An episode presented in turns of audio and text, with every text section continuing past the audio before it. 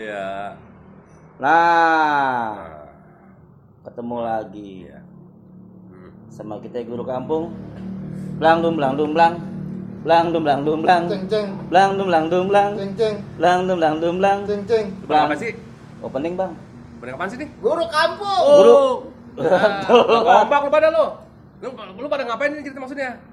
Satu, Bener apa? dua, tiga. Guru kampung. Opening, Bang, opening. Nah ini kagak ada gambarnya kan? Enggak ada, nggak ada gambarnya. Enggak. Ya, Ya. kita ngomong aja deh. Oke, ya. eh, Ka- Kayak kayak orang-orang bikin podcast. Eh udah dah, terus gimana? Ya, kalau masalah online ini kan eh, lagi-lagi ya banyak masalah. Pertama masalah, gue bilang untuk sekolah yang memang notabene sudah infrastruktur sudah canggih dan sekolahnya itu menerapkan itu nggak masalah. Nah, iya. Masalah sekarang di kota besar yang memang gurunya gaptek itu masalah juga. Ada, Bang. Sekolah di kota, di kota besar, Hmm, gurunya gaptek ada. ada lah, ada lah. Dan itu tidak menutup kemungkinan masih ada, ya kan? Itu jadi masalah. Masalah pertama, ya kan? Mereka nggak tahu nggak ngerti teknologi harus ngapain harus ngapain karena masih banyak yang guru-guru masih gaptek. Terus sekolah-sekolah yang di pinggiran yang jelas-jelas notabene infrastrukturnya nggak ada, ya kan? Itu masalah juga, Infrastruktur nggak ada. iya kan? Jaringan nggak ada, belum ada. Pokoknya pokoknya infrastrukturnya nggak bisa. Jangankan handphone ya kan internet ya TV aja susah, ya kan? Ya, yang masih banyak lah di pegunungan. Ya kan tiang BTS udah di mana-mana. Iya masa tiang nggak BTS. dapet? Ya kan nggak mesti kampung-kampung yang di gunung kagak ada lah. Ya kan. Kalau gue pernah offroad juga, jadi gue tahu, ya kan. Oh, itu pernah offroad. Bang? Ya, iya.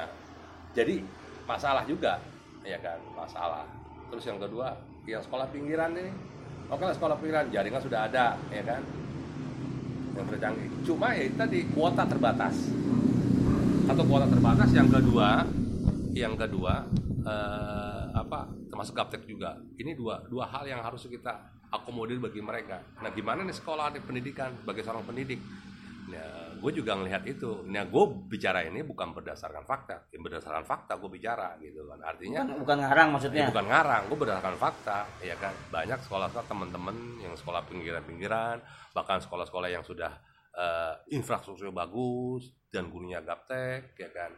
Itu masalah cuma satu, guru gaptek. Nah sekarang sekolah yang memang nggak ada infrastrukturnya nggak ada, ya kan. Udah gitu orangnya gaptek. Ini ke masalah lagi, Masalahnya double kalau gitu. double masalahnya, Iya. ya kan. Contoh sekolah gue ya, ya eh, beberapa yang memang ketika ada hal-hal kayak gini, ketika ada hal-hal ini mau tidak mau ya gue harus terjun terjun langsung ya gimana murid-muridnya ke orang tua gitu kan. Padahal sebetulnya kayak eh, ada ada ada instansi swasta yang sudah menggratiskan gitu kan, tapi memang kayaknya belum belum belum belum belum apa namanya belum semua orang tahu.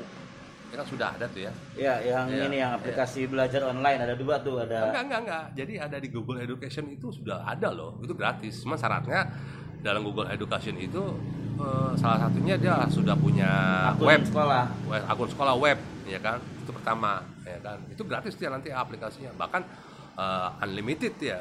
Kan Iya. kalau kalau kalau Google namanya G Suite. Iya. Kalau Google pribadi kan paling 15 giga, ya kan? 15 giga. Nah, itu belum belum belum apa namanya? Belum semua sekolah memakai itu. Belum ada yang tahu. Emang tuh semua guru di yang tadi abang bilang tahu semua yang kayak gituan modelnya. Iya, belum tahu. Makanya kan dari pihak sekolah bagaimana sekolah itu mau mengakomodir guru-gurunya. Banyak sekolah-sekolah mau mau mau akomodir tapi kembali lagi nyawanya ini berapa berapa ya Guru, gurunya belum siap gitu ya. Bukan belum siap. Jadi gini, semua itu kebijakan diambil dari sekolah. Oh. Jika sekolah itu punya kebijakan eh, punya kebijakan bagaimana mengupdate si ilmu guru-gurunya, ya kan? Nah, mau tidak aja. mau gurunya ngikut. Mau tidak mau, ya kan? Ya, berarti Ini kalau untuk sekolah swasta. Jadi sebetulnya eh, kebijakan tutup sekolah karena virus corona ini Hmm.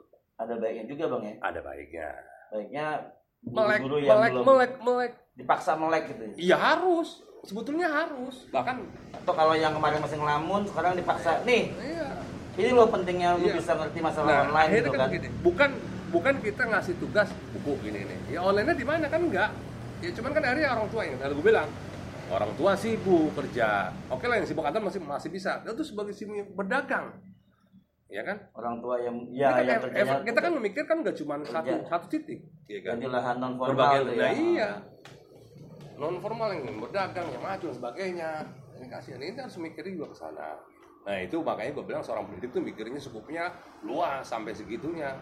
Ya, apa sosialnya kayak gitu, eh, sosiologinya lihat kenyataannya di lapangan gimana. Ya orang tua yang dagang, dagang warung, ya kan, belum bisa. Ini harus bagaimana? Kan gitu. Oke lah untuk yang akses internet. Paling salah satunya paling untuk mudah sekarang kan yang paling mudah apa? Lewat WhatsApp. WA. Itu paling mudah WA. Itu paling mudah. Yang artinya semua orang pasti tahu. Walaupun ketika taktik agak jauh. Paling enggak kan ada informasi tahu. Nah, itu itu aja sih sebetulnya. Dan di WA juga bisa sebetulnya bisa bikin tatap muka. Bisa video call itu. Video call tapi tapi terbatas. Empat orang doang. Empat kan? orang doang terbatas sih. Paling enggak ya itu bikin grup, bikin grup. Nanti kalau emang nggak nggak dia nggak tahu, tanya. Ya, itu harus, harus interaktif. Tapi kan nggak semuanya. Kita lihat nih, ibu nanti kita nggak jam sekian, paling nggak jam sekian dimohon waktunya. Paling gitu itu, itu Nah, kalau masih Iya. nggak ngerti juga gimana Ya, kalau WA nggak ngerti kebangetan. Tapi ada juga yang konservatif. Tapi yang kan nggak- gini, tapi kan gini bang. Hmm. Ketika dipasti ini, oke kita jam sekian pada buka WA semuanya ya. Gue pengalaman bikin seminar online juga pakai pakai oh, pakai WA. Hmm. Ya nggak semua nyimak, nggak semua orang bisa kemudian bisa eh pegangin handphone terus mantau WA gitu. Kadang-kadang kalau yang di rumah juga kadang-kadang ma eh eh misalnya Ya, gitu. oh ya. Taruh dulu. lagi gitu. masak ntar Kalau lagi masak belum matang segala macem gitu. Enggak artinya kan gini, kita kita bikin kesepakatan dulu. Ya kan kesepakatan di awal. Hmm. Hari ini jam sekian mohon. Ini paling waktunya dua 20 menit lah nggak usah nggak lama. Nah itu lama. siapain tuh? Ya masalah interaksi aja. Misalnya orang tua yang nggak yang nggak tahu dikasih waktu untuk jeda untuk itu. Oke, berarti memang selain guru yang mesti siap, Hmm. murid yang mesti siap, orang tua juga mesti siap Oh berarti ya. iya, makanya kan ada kesepakatan biasanya gitu. Untuk sekolah-sekolah yang memang notabene tidak ada menggunakan ya tadi tadi online tadi ya secara virtual ya kan. Orang tua murid lu pasti bisa dong, Pung. Oh iyalah, dia kan. bisa sih kalau itu nggak ada masalah kalau kayak gitu dan kalau di tempat gua sih ya udah semua di dimasukin materi awal ke sana semua kalau nggak ada kalau misalnya ada pertanyaan baru mereka yang tanya balik ke kita gitu loh Nah, itu dia. Sekarang itu kan gampangnya segitu bedanya sih sama yang kondisi di kampung nih gitu ya kan jadi gini. Belajar online itu sebetulnya apa? Apakah kemudian si guru itu bikin live streaming, murid dipaksa mendengarkan di jadwal tertentu, Ya. atau lebih baik lagi guru merekam materi kemudian ditayangkan atau diupload ke platform video Aha. kemudian anak-anak bisa linknya dan di bawah kalau memang ada pertanyaan bisa kasih komen Ya kalau menurut gue sih gini ya. Kalau menurut gue, yang pertama sih ya udah mendingan direkam. Ini materinya apa ya kan yang mau yang mau diajarin apa misalnya anak-anak suruh baca tentang tentang tentang halaman sekian atau sekian topiknya apalah ya kan. Terus ketika ada feedback, ini ada masukan dari anak-anak, ya mereka udah kirim email ke gurunya gitu kan atau via WhatsApp atau apalah. Bisa nggak kasih penjelasan Atau di kolom segala macam. komen. Nah, itu baru nanti ada ada ada kesepakatan kita saya bisa nih, misalnya gurunya saya bisa jam segini, kamu bisa nggak? Ya udah.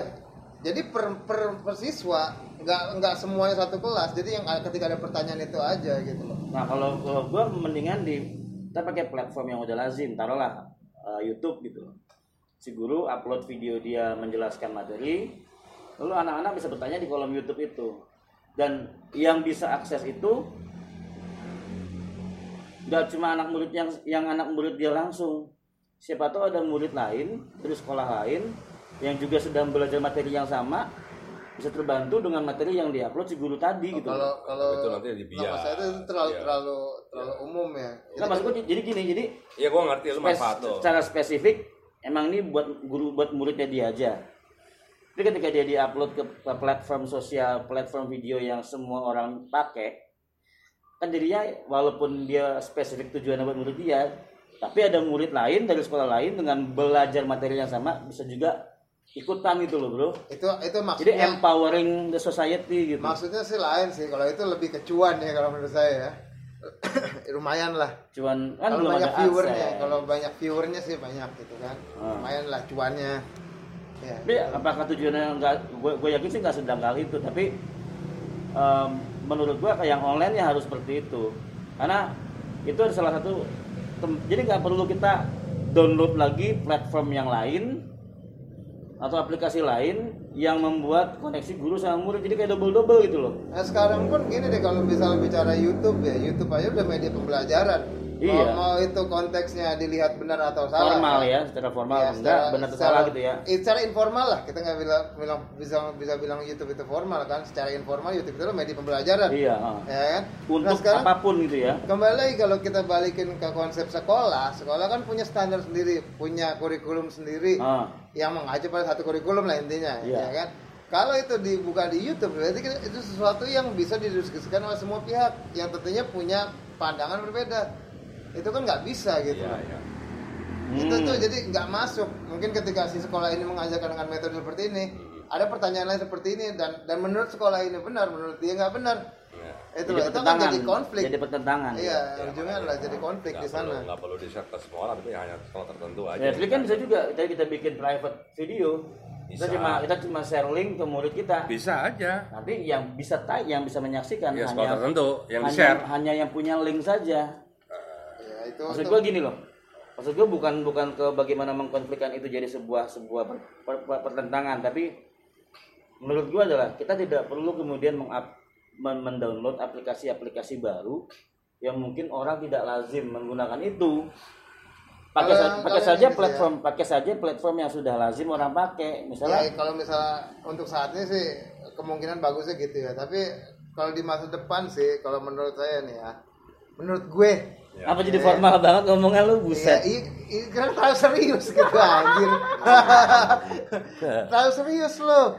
lalu Iya, gimana kan? tadi Ini kalau menurut gue nih di masa depan ya akan trennya memang berubah semua pelajaran akan jadi online lah ya. Ah. Lebih banyak ke online daripada enggak, tapi itu kategorinya nanti ada kategori usia gitu kan. Nah, betul. Di sana. Ya kalau dalam usia tanggaplah kanak-kanak sampai remaja yang emosinya aja udah masih labil gitu kan. Itu belum bisa lah kalau kita online itu jadikan full basis pembelajaran mereka gitu Ah, kan. Nah, tetap, tetap. Nah, kalau ketika mereka udah mulai punya daya pikir yang baik sebagai orang dewasa, mungkin kuliah segala macam itu berjalanlah sistem online itu.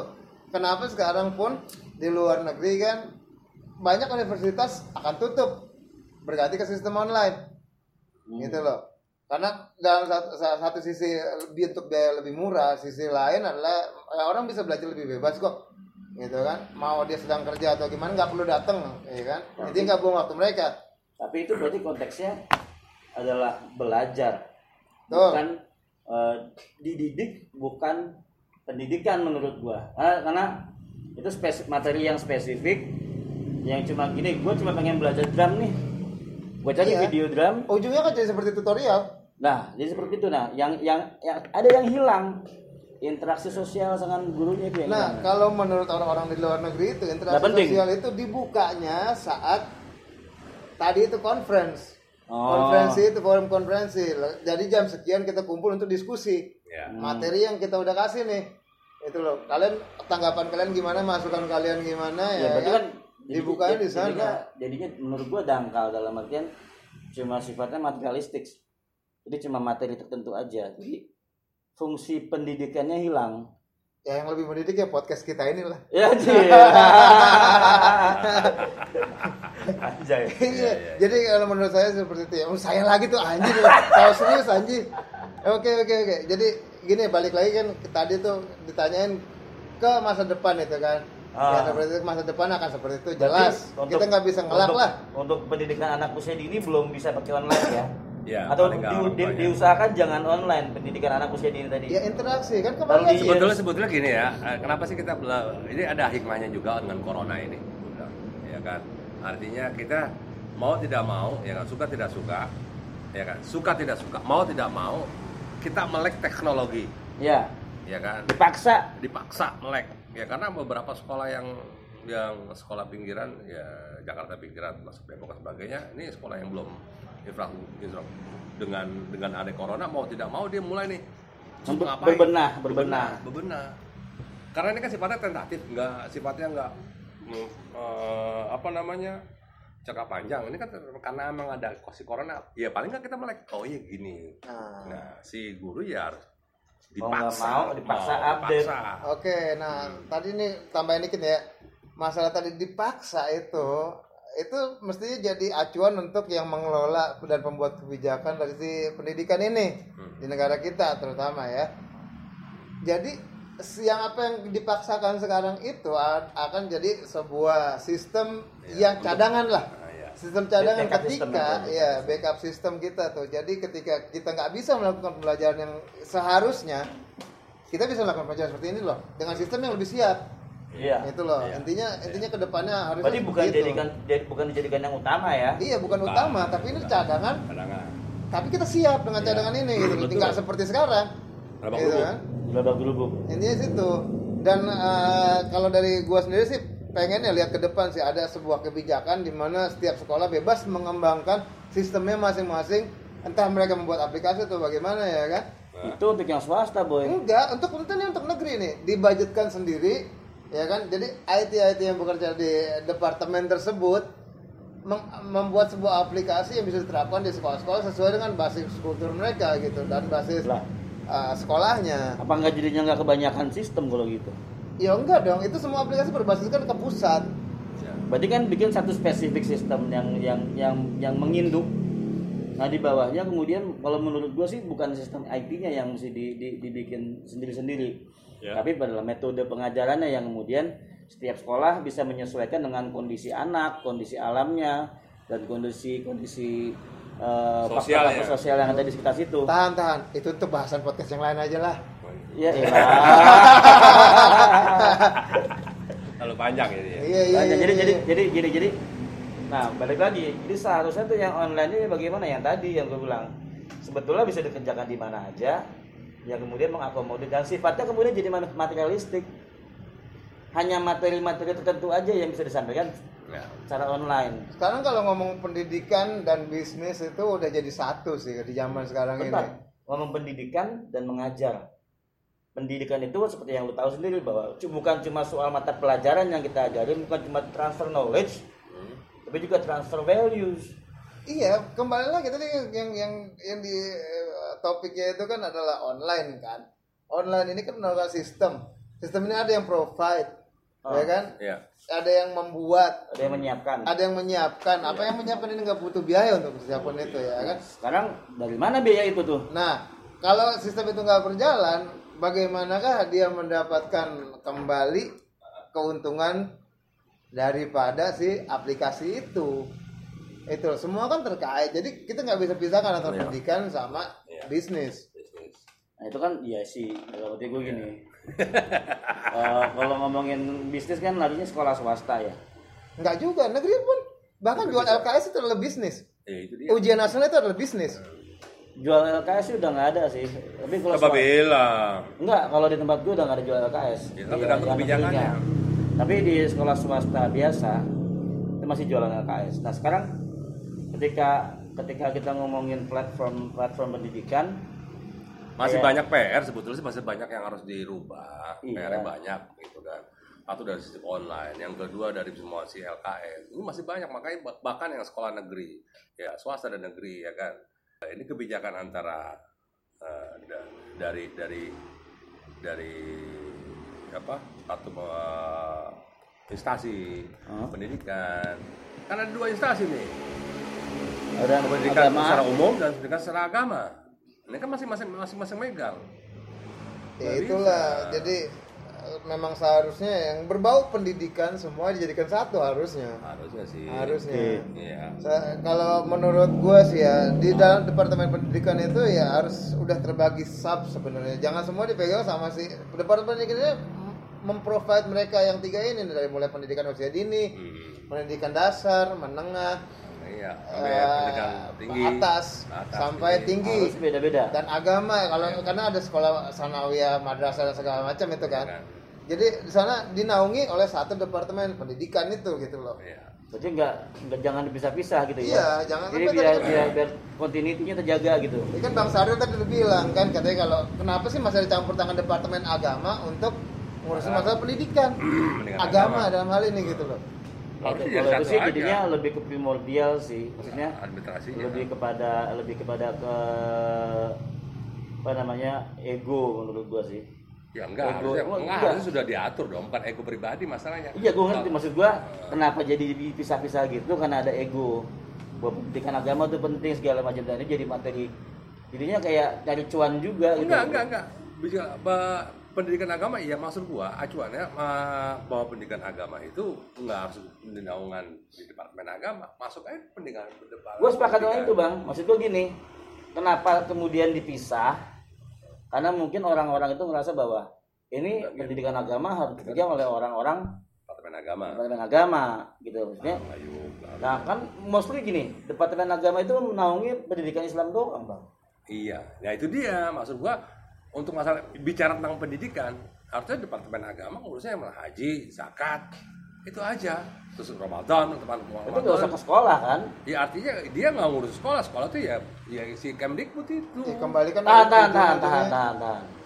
Kita bahas di podcast yang lain kalau yang ini. Iya udah deh ntar aja deh itu. Nah, masih balik ke online lagi. Ya udah nanti yang lain itu yang lainnya berarti. masih banyak. Lu gimana gimana? Yang online tadi, nah kesimpulannya berarti tadi lu bilang bahwa sebetulnya mau nggak mau kita akan tetap masuk ke era online, Oh, jelas. betul ya. Nah, tapi tidak juga bisa dijadikan sebuah metode utama untuk sekolah-sekolah misalnya level yang PAUD, level dasar dan menengah. Kata Amran tadi online itu bisa dilakukan untuk orang-orang yang level thinking skillnya udah lebih, lebih tinggi gitu bener Bang? Ki. Gini Ki, gua kan milenial nih. Kayak orang-orang yang dimintain tolong lah, ya kan yang katanya idenya banyak segala macam. Gua nggak mikir pendidikan cuma buat di bumi Ki. Buat Masa lu- depan ya kan namanya manusia itu jadi penjelajah ruang angkasa Ki. Yoi. Ya kan gimana caranya kalau kagak online satu pesawat ke pesawat lain. Iya. Kalau gurunya di pesawat yang satu, kita di pesawat yang lain gimana caranya kalau kagak online Nah, gitu ya kan? kan lari lagi tadi ke kesiapan infrastruktur, Iya. Yang SDM-nya. SDM, Iya infrastruktur. semua kan baliknya ke sono. Nah sekarang kata dia- Udah, udah.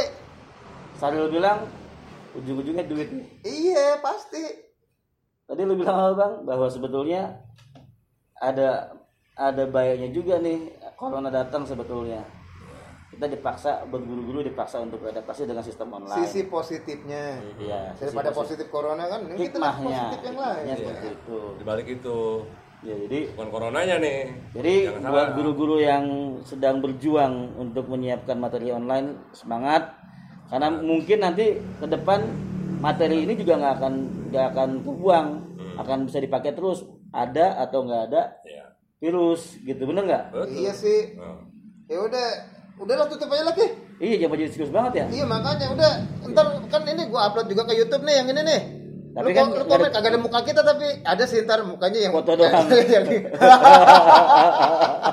ya pokoknya gimana menurut lu ya semua ya menurut lu semua gimana ada masukan apa gimana apa ada topik lain yang mau lu bahas Ah, atau Iya. lu punya punya pendapat yang lu pengen gue juga mau dong ada di dalam podcast lu. Iya, apa kagak lu mau ikutan sama kita di sini? ayo. Iya. Bahas-bahas apaan kek sambil ngopi. Oke. Udah ya? Ya, ya. Ya. ya. Belang belang belang. Belang belang belang. Belang belang. Ceng Eh, ceng. dari bocah ya. Ngapa sih pada nih? Apaan? Apaan?